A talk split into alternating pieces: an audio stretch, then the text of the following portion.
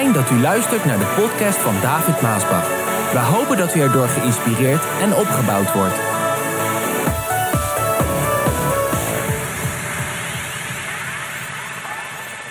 De opname van de gemeente.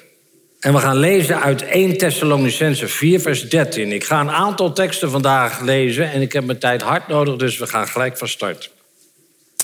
1 Thessalonicense 4, vers 13. Over wat er gebeurt met christenen die sterven, willen wij u niet in het onzekere laten. U hoeft over hen geen verdriet te hebben, geen verdriet te hebben. Zoals de mensen die zonder hoop leven, zoals de wereld. Eigenlijk zegt Paulus hier tegen de gemeente: jullie zijn onzeker. Ik wil niet dat jullie onzeker zijn. En dat wil ik vandaag ook niet. En daarom spreek ik over deze onderwerpen. Voor sommigen misschien heel zwaar, anderen die nemen het en er zijn er ook die het eigenlijk allemaal al weten. Maar ik wil niet dat je onzeker bent. De Bijbel die leert ons dat de dood niet het einde is. In Hebreeën 9, vers 27 lezen we: Zo zeker als mensen eenmaal sterven, nou dat is zeker, we zullen allemaal een keer sterven en daarna beoordeeld worden. Dat wil zeggen, als je geboren wordt, dan zul je er altijd zijn. Als je geboren wordt, dan heb je een eeuwig bestaan. Misschien is dat goed om je achterhoofd te houden wanneer mensen een levende ziel op de bodem van deze aarde zetten, op de aardbodem zetten. Wanneer jouw lichaam sterft, sterf jij niet. Want de Bijbel die zegt dat je ook een geest bent. En jouw geest zal voor eeuwig blijven bestaan. Als jij het met God in orde hebt gemaakt en je hebt Jezus Christus zijn zoon aangenomen als je redder en als je verlosser en zaligmaker, dan hoef jij voor de dood niet bang te zijn. Prijs de Heer. 1 Korinthe 15, vers 53. Ons vergankelijke, sterfelijk lichaam zal verwisseld worden voor een onvergankelijk, onsterfelijk lichaam. Wanneer dat gebeurt, wordt werkelijkheid wat in de boeken staat. De dood is opgeslokt in Gods grote overwinning. Oh, halleluja. En dood, je kunt de overwinning wel vergeten. Dood, wat voor kwaad zul jij nog doen? Er is een heel oud paaslied wat wij vroeger zongen en dat zegt... Daar juicht een toon. Ken je die nog? Nu jaagt de dood geen angst meer aan, want alles, alles is voldaan. Die in het geloof op Jezus ziet, die vreest voor dood en hel niet. Oh, halleluja, want nu de Heer is opgestaan, nu vangt het nieuwe leven aan. Een leven door zijn dood bereid, een leven tot in. Oh, mooi lied, prachtig lied. Hebreeën 9, vers 27 hebben we gelezen. Zo zeker als de mensen eenmaal sterven en daarna beoordeeld worden. Daarna. Daarna betekent na die tijd. Welke tijd? De dood. Na de tijd van de dood. Nadat je je aards lichaam, tent hebt, huisje hebt begraven. Dat wil zeggen, de dood is niet het einde van jouw leven. De dood is niet het laatste hoofdstuk van jouw leven. De dood is geen punt De dood is een komma. Want jij gaat verder na de dood. De dood is een overgang van jouw vergankelijk leven naar jouw onvergankelijk leven. Dat is een moeilijk woord, zeker bij de jonge generatie. Van jouw niet blijvend bestaan naar jouw blijvend bestaan. Van jouw tijdelijk leven hier op aarde naar jouw eeuwig leven. Vraag.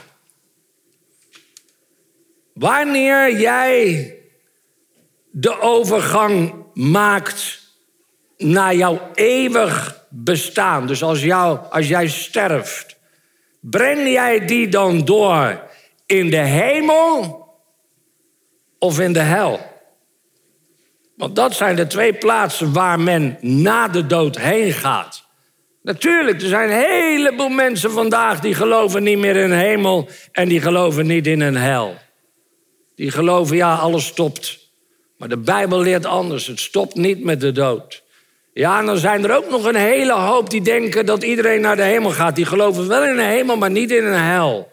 Maar zo is het ook niet. Ik moet wel de waarheid prediken. En de waarheid is, volgens de Bijbel, er is een hemel en er is een hel. De Bijbel die leert ons dat je straks de eeuwigheid niet zal doorbrengen op een wolk. Dat zie je toch wel eens, dan zie je ze op een wolk zitten in de reclames of zo. 2 Petrus 3 vers 13 zegt het zo. Maar waar wij eigenlijk naar uitkijken, dat zijn de nieuwe hemel en de nieuwe aarde die God beloofd heeft. Daar zal alles goed en rechtvaardig zijn. Er komt veel meer na de dood. Vraag: sta jij recht voor God? Beantwoord hem maar voor jezelf. Sta jij recht voor God? Heb jij het met God in orde gemaakt? Straks ga ik je uitnodigen om met mij samen in gebed te gaan, om het met God in orde te maken. Als jij het nog niet in orde met God hebt gemaakt. Misschien ben je voor het eerst, dat kan ook zo zijn. Of je hoort voor het eerst deze boodschap via al onze social media kanalen. Misschien voor de allereerste keer hoor je dit en heb je het nog nooit met God in orde gemaakt. Straks gaan we samen bidden en dan kan je het in orde maken. Als je het nog niet met God in orde hebt gemaakt, dan ben ik zo blij dat je deze boodschap hoort vandaag, waar je ook bent. Want ik zou niemand weten die de boodschap op dit moment beter aan jou kan uitleggen dan dat ik doe nu, op dit moment. Wat wij vandaag allemaal horen om ons heen, de kranten en het nieuws, wat we allemaal zien, het zijn vervullingen van bijbelse profetieën. Het zijn de weeën van de eindtijd. En die weeën, die zijn begonnen. En wat ik graag wil, vandaar dat ik hierover spreek, wat ik graag wil, is dat wanneer jij jouw hoofd vanavond op jouw kussen legt, dat jij vrede in je hart hebt. En dat je heerlijk kunt slapen, omdat je de zekerheid hebt dat als Jezus Christus vanavond terugkomt, dat je erbij zal zijn en hem tegemoet zal gaan in de lucht. 1 Thessalonicense 4 vers 13. Over wat er gebeurt met christenen die sterven, willen we u niet in het onzekere laten. Zo onzeker, weet je wel. Wil u niet in onzekerheid laten. U hoeft over hen geen verdriet te hebben zoals de mensen die zonder hoop leven. Want zoals wij geloven dat Jezus na zijn dood weer levend is geworden, geloven wij ook dat God gestorven christenen met Christus zal laten terugkomen.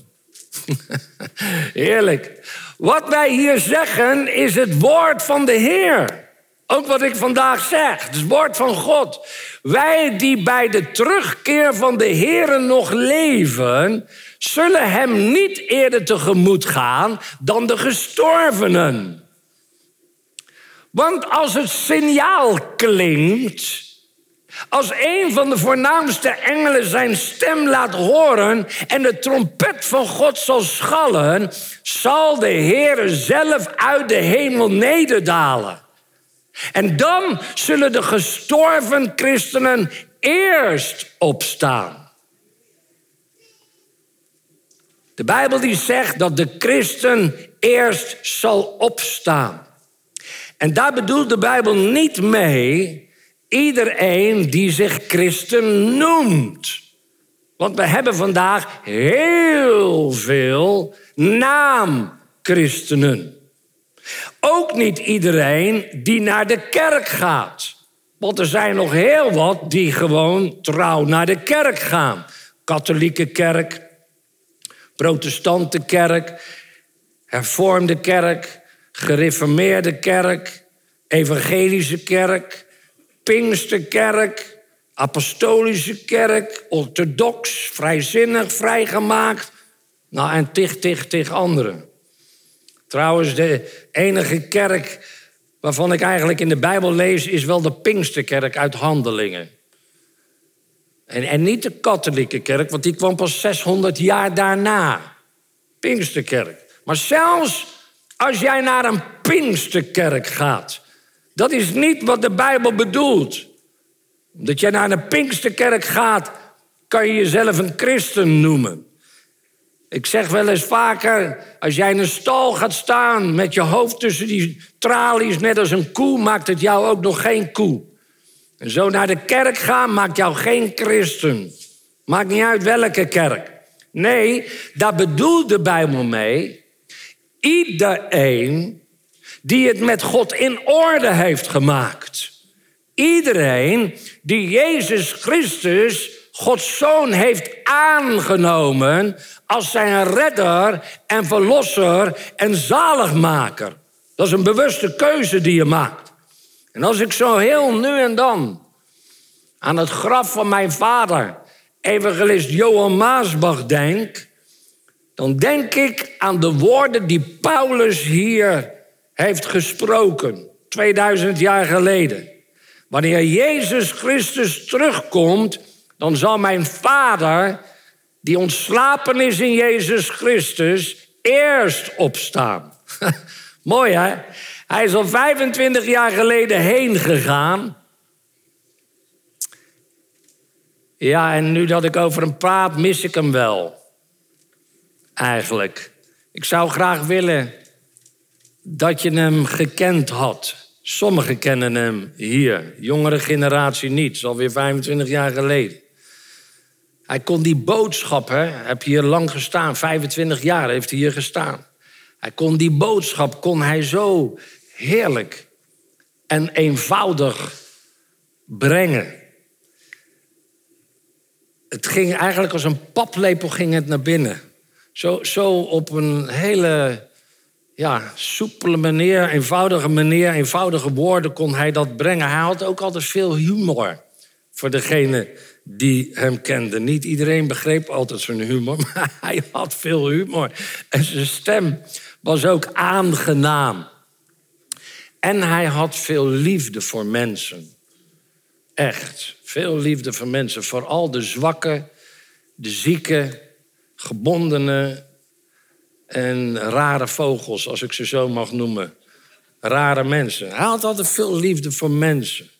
Ik weet zeker, als je hem gekend had, had je van hem gehouden. Hij probeerde je altijd te helpen. Hoe je er ook uitzag. Daar kan ik nog voorbeelden aanhalen, een andere keer daarover.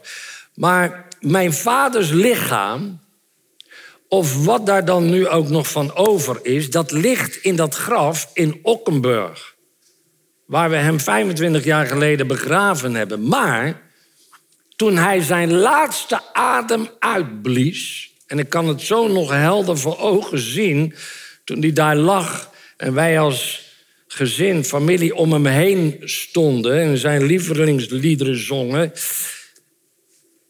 toen wij daar waren en hij zijn laatste adem uitblies, toen was hij, toen hij zijn lichaam verliet, in een oogwenk bij Jezus.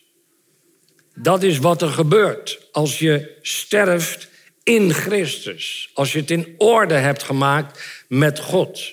En dit is zo wonderbaarlijk dat de Bijbel zegt dat als de opname zal plaatsvinden, als Jezus zal komen en zij die leven hem tegemoet gaan, zullen eerst de sterfelijke lichaam die vergankelijk waren, zullen opstaan en in een oogwerk onvergankelijk worden, eeuwig worden. Ook het lichaam van mijn vader. En iedereen die in Christus is ontslapen. Hoe dit gaat, zou ik niet begrijpen, lieve mensen, maar dat is nou het wonder wat ik niet van kan verklaren, maar wat de Bijbel ons leert. 1 Thessalonicense 4, vers 17. En daarna zullen wij, dus als de doden de Heer tegemoet zijn gegaan, daarna zullen wij, die op dat moment nog leven, met hen, met die eerste die opstaan met hen in de wolken worden opgenomen om de Heer in de lucht te ontmoeten en altijd bij Hem te zijn. En met dit nieuws, wat ik nu predik, kunt u elkaar troosten en kan je elkaar bemoedigen.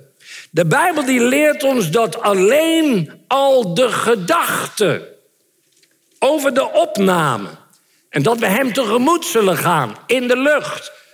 Of we nou levend zijn of in Hem gestorven zijn. Alleen dat al, die boodschap, die gedachte, dat, dat moet je vertroosten. Dat moet je bemoedigen. Vraag, als de opname van de gemeente vannacht zou plaatsvinden, hè? ben jij dan gereed om Jezus tegemoet te gaan. Omdat jij het met God in orde hebt gemaakt. Als je nee zegt, dan wil ik je straks uitnodigen om met mij samen te bidden.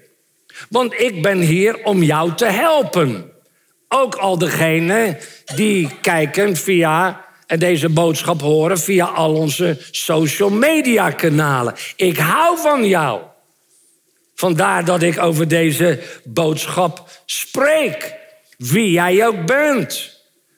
Waar je ook vandaan komt. En wat je ook in je leven hebt gedaan. Waarom? Zodat jij gereed zal zijn als Jezus komt. Dat je erbij zal zijn en Hem tegemoet zal gaan in de lucht.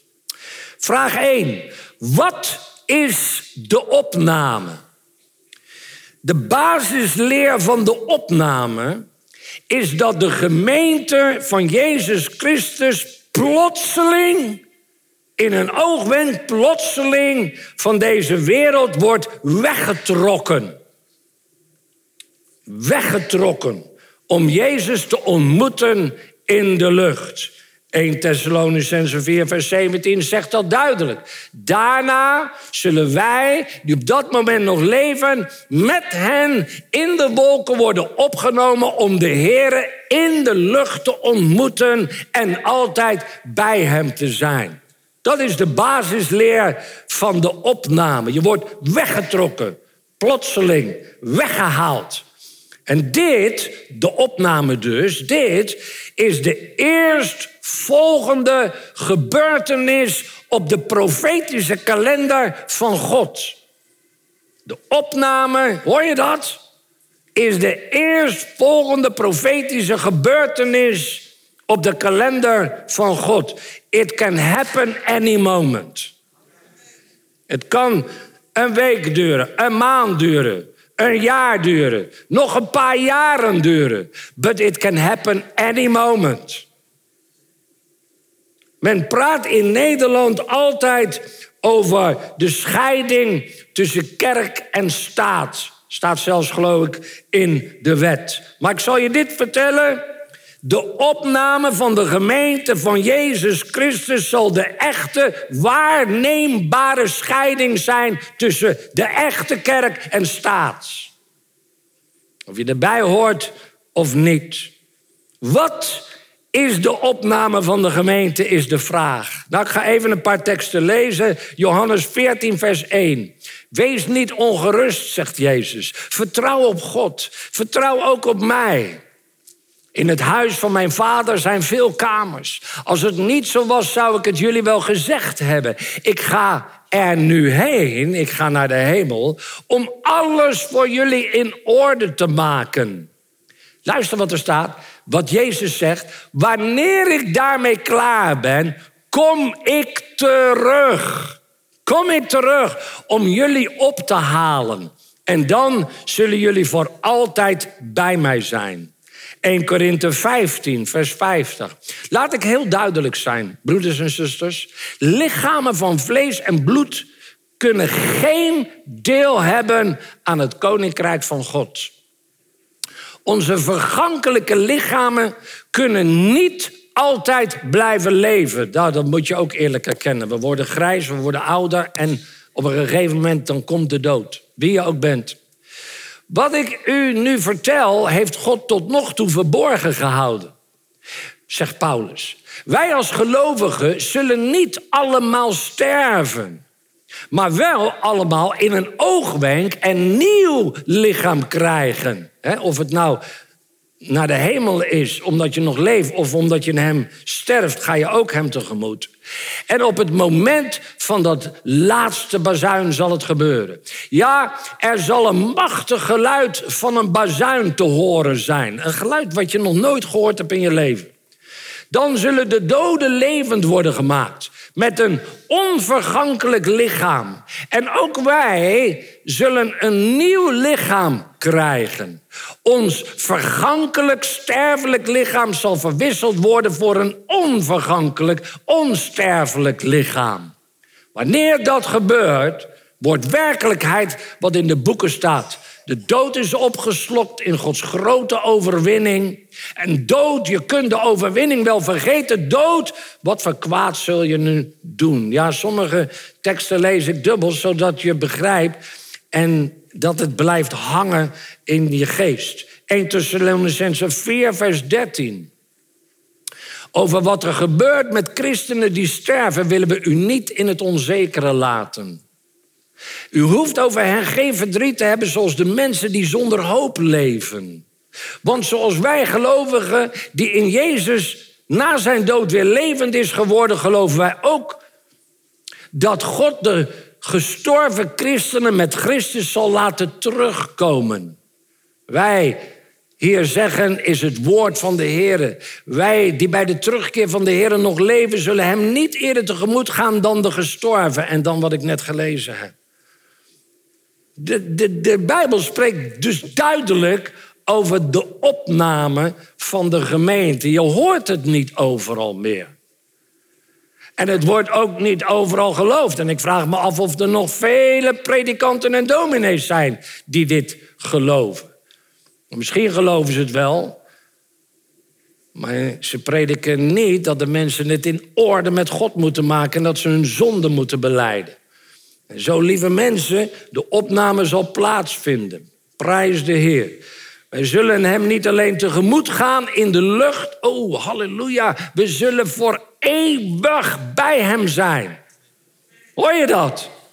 Niet alleen tegemoet gaan in de lucht, maar eeuwig bij hem zijn. Ga nog een stapje verder. Twee, waarom lezen we niets over het woord opname in de Bijbel? Soms schrijven mensen mij, David, ik kan het woord opname nergens in de Bijbel vinden.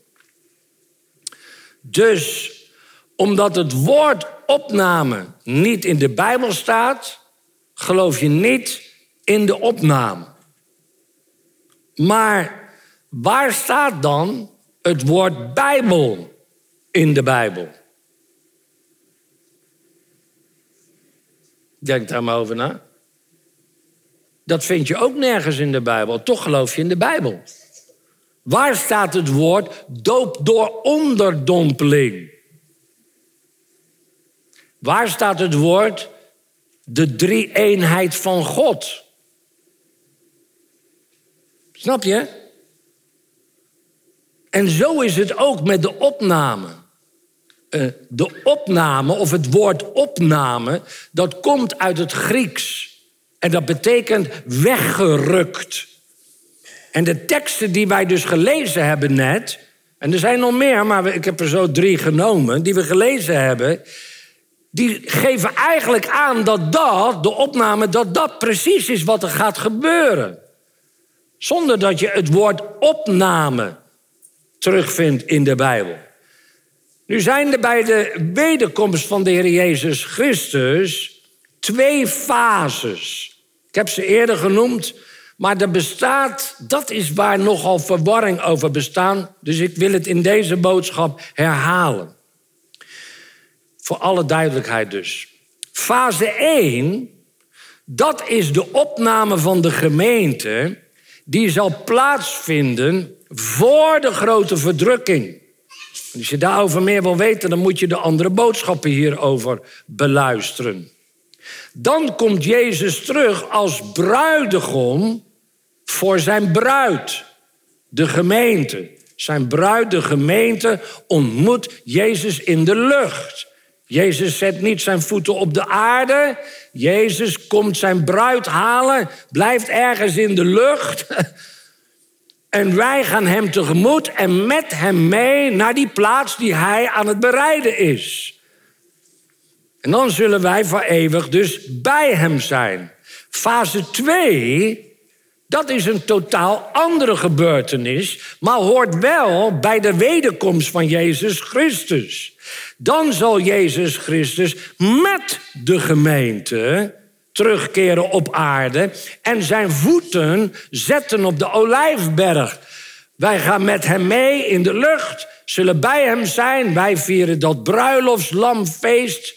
En op aarde is dan al die toestanden gaande. En dan komen we met hem terug. En dan komen we terug op aarde. En dan zet Jezus zijn voeten op aarde. De Olijfberg. Die zal door midden splijten, zegt de Bijbel. En dan wandelt hij daar zo door de gouden poort die dichtgemetseld is op het moment. Die houdt hem echt niet tegen hoor. Wandelt Jezus daar doorheen om plaats te nemen op de troon van zijn vader David. En dat doet hij om af te rekenen met het kwaad, af te rekenen met de antichrist en met de valse profeet. En later pas met Satan, de draak. Drie, we moeten even door. Vraag drie. Welke profetieën moeten nog in vervulling gaan voordat de opname zal plaatsvinden? Deze vraag is eigenlijk niet zo moeilijk te beantwoorden en zal ook niet zoveel tijd in beslag nemen. De opname is een tekenloze gebeurtenis en zal plotseling plaatsvinden. Klaar. Klaar. Knippen met je ogen. Er is niks snellers in je lichaam wat je kan doen dan knipperen met je ogen. Klaar. Weg. Zo zal het gebeuren. Weg. Plotseling. Ineens. Dat wil zeggen, er vinden geen specifieke aankondigingen plaats dat de opname eraan komt. Zal plotseling gebeuren. Matthäus 24, vers 36. Maar Jezus zegt, maar wanneer dat allemaal zal gebeuren, op welke dag en welk uur, weet niemand. Niemand. Ik ook niet. Niemand. Ik predik dat ook niet. Ik heb nergens een datum. Ook de engelen in de hemel weten dat niet. Alleen de Vader weet het. Wanneer het zal plaatsvinden, weet niemand. Gebeurt plotseling ineens. Kan nu zijn terwijl we hier zitten. Kan vanmiddag zijn. Kan vanavond zijn. Er zullen dus geen profetieën zijn die nog vervuld moeten worden, zodat de opname kan plaatsvinden. Er gaan wel profetieën in, in, in, in vervulling, zoals de weeën, de eindtijd en al die dingen, de oorlogen, de, de hongersnoden, de strijd, broeder tegen broeder en de aardbeving, noem maar wat op. Dat, gaat, dat, dat is een ongoing thing. Oh, ik moet in Nederlands blijven. Hè? Dat, een, dat zijn zaken die blijven gaan. Maar verder zal er niks een aankondiging zijn dat, dat de opname zal plaatsvinden. Niemand weet wanneer. Matthäus 24, vers 37. Als ik, zegt Jezus, terugkom, zal het net zo zijn als in de dagen van Noach. In die tijd, voor de grote vloed, ging alles gewoon door, net als vandaag. Men at, men dronk, men trouwde, tot het moment dat Noach de ark inging. De mensen merkten niks tot de grote vloed kwam en hen allen wegnam. Als ik de mensenzoon terugkom, zal het net zo gaan. En zo zal het ook met de opname van de gemeente gaan. De opname van de gemeente komt zonder waarschuwing. Komt plotseling. En het is triest. Maar zo zal het ook gaan met heel wat naamchristenen en kerken. Zoals altijd zullen de kerkdeuren gewoon open gaan, elke zondag. En de mensen komen binnen en gaan zitten. En ze doen misschien allemaal rituelen, kan ook nog allemaal. En de dominee brengt zijn boodschap, voorbereide boodschap, zal die gewoon brengen zoals altijd. De mensen luisteren, de dominee spreekt en plotseling. En ze merken niks. Zo zal het gaan met heel veel kerken en heel veel naamchristenen. Als je het niet in orde met God hebt gemaakt. Als je Jezus Christus niet als redder en verlosser hebt aangenomen. Matthäus 24, vers 40 geloof ik nog. Hè? Dan zullen twee mannen samen op het veld werken. De een zal worden meegenomen en de ander zal achterblijven. Twee vrouwen zullen bezig zijn koren te malen. Ja, dat, uh, dat is taal van de Bijbel. Hè. Je, je, kan vandaag ook zeggen bezig zijn met uh, organisatie, ICT of weet ik veel. Piloten. Nou, wacht even. Als je piloot bent en jij zit in het vliegtuig en die persoon is niet gered. Nou ja, wij, wij die in hem zijn, zullen uit het vliegtuig hem tegemoet gaan. Dus dat is geen probleem. Maar die, al die anderen hebben een groot probleem. De een zal worden meegenomen en de ander zal achterblijven. Matthäus 24, vers 42. Wees er dus altijd klaar voor. Wees er dus altijd klaar voor. Ook vandaag, niet straks, ook vandaag. Want je weet niet wanneer ik, zegt Jezus, jullie heren, kom, terugkom. Door op wacht te staan kan iemand voorkomen dat de dieven in zijn huis inbreken.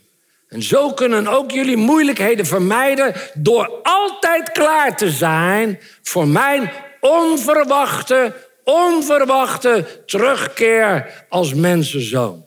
Moet klaar zijn. Dag en nacht klaar zijn. Nummer vier, de laatste. Wanneer zal de opname plaatsvinden? Een van de meest geweldige profetieën in de Bijbel is dat Israël zal verrijzen en weer een natie zal worden. Onmogelijk, hè? 1900 jaar, allemaal verspreid over de hele wereld. Die profetie, dat Israël weer een natie zal worden, die is tegen alle verwachting in, in vervulling gegaan. Op 14 mei 1948.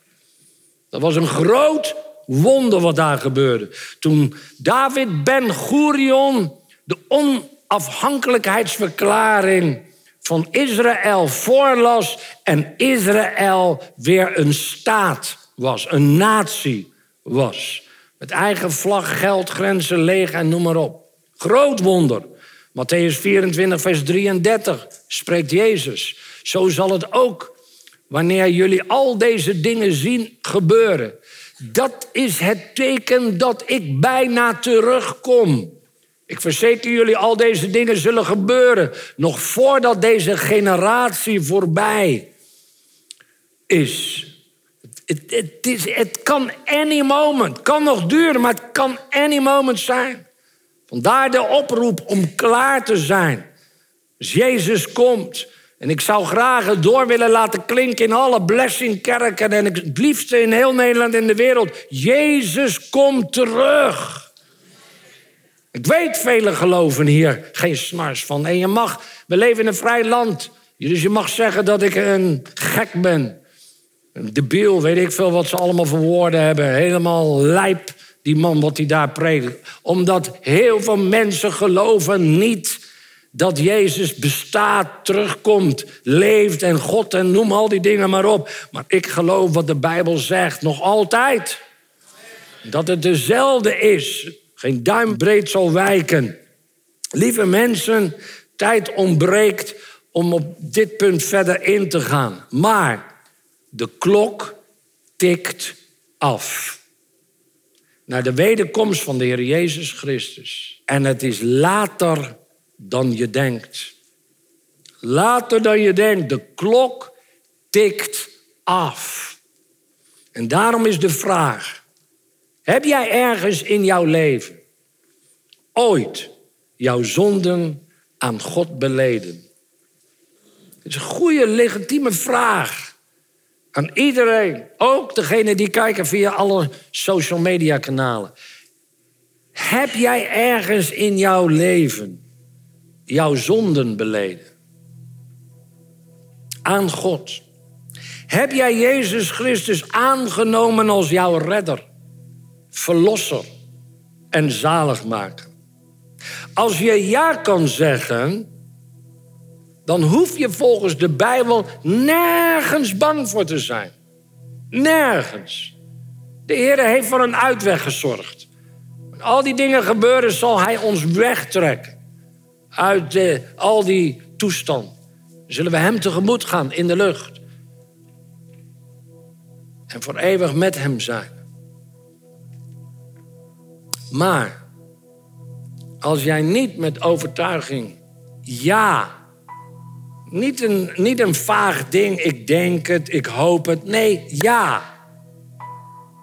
Het is ja of nee.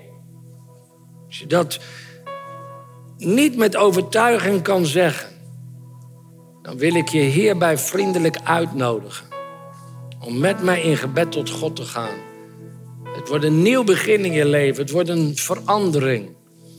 Johannes 1, vers 12 zegt een belangrijk iets. Maar allen, iedereen, ook jij, die Hem, Jezus, aanvaard hebben, aangenomen hebben en geloven in Zijn naam, heeft Hij recht gegeven. In de oude vertaling zegt macht gegeven. Kinderen van God te worden. Zij zullen opnieuw geboren. Niet op een natuurlijke wijze of vanuit menselijk verlangen, of omdat de mens het wil, maar zij zijn uit God geboren. Je wordt opnieuw geboren. Hoe dat allemaal werkt, maak je niet druk. Dat is een wonder en een wonder kan je niet verklaren. Het gebeurt. Je wordt een nieuwe schepping. Je leven gaat veranderen. Je naam wordt geschreven in het boek des levens. En je weet zeker dat als de bezuin schallen en Jezus plotseling komt, anytime, waar je ook bent, zal je hem tegemoet gaan in de lucht. En altijd met hem te zijn, met hem zijn. Als jij dus geen ja kan zeggen, maar je weet het niet of nee, dan gaan we samen bidden. En ik zou graag willen weten met wie ik ga bidden. Je mag je hand even zo opsteken. Dat ga ik doen. Goed. Daar en daar. Nog meer. Daar en daar. Zijn er nog meer? Het balkon kan ik niet goed zien. De mensen die op balkon zijn. Zijn er nog meer? Als je geen zekerheid hebt. Ik dring nog even aan voor degenen die misschien wel willen, maar ja, moeilijk David, moeilijk. Kom, neem die beslissing. Dit doet mij goed als iedereen zeker weet. Dat we zoveel hebben die er zeker van zijn. Want ik weet één ding, ik ben er niet meer. Als de bezuin zal schallen. Ik hoop dat jij kan zeggen, ik ook niet David. We gaan hem tegemoet. Gaan we bidden voor deze mensen. En iedereen die kijkt op de social media kanalen, als jij ook zo'n persoon bent, mag je nu je hand op je hart leggen. Kom, leg je hand maar op je hart. En weet je wat ik wil vragen? Of iedereen dit na wil bidden om die mensen te helpen. Die nu dit gebed bidden. Het is niks erg als je het nog een keer bidt. Want wij hebben die zekerheid al, maar we gaan hen helpen. Daarom bid ik ook. Ik help hen. Want velen weten niet precies wat ze moeten bidden en hoe. Er zijn er velen die kijken via de social media kanalen en die hebben nog nooit een gebed gebeden. En ik help ze. En zo kunnen we dat samen doen. Dus als u mijn naam wil bidden, dan helpt u hen. Zeg maar, Vader in de hemel. Ik dank u voor Jezus Christus, die gekomen is om al mijn zonden op zich te nemen. Aan het kruis van Golgotha, waar zijn bloed vloeide. Ik heb spijt van mijn zonden. Ik vraag u, Vader, wil u mij vergeven? Heer Jezus, wil u in mijn hart komen wonen? Kom in mijn hart. Kom in mijn denken. Kom in mijn leven. Ik dank u, Heer, dat u mij vergeven hebt. Op dit moment neem ik uw vergeving aan. Ik ben vergeven.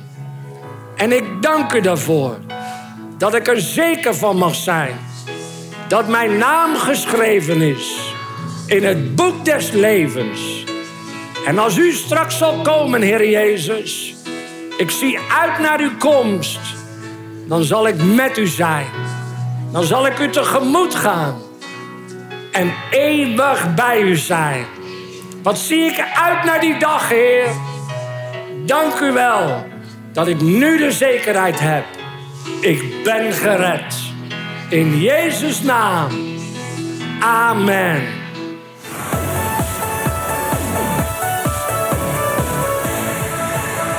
Bedankt voor het luisteren naar deze podcast. Wilt u meer preken beluisteren? Ga dan naar message.maasbachradio.com. Bezoek ook eens onze website www.maasbach.nl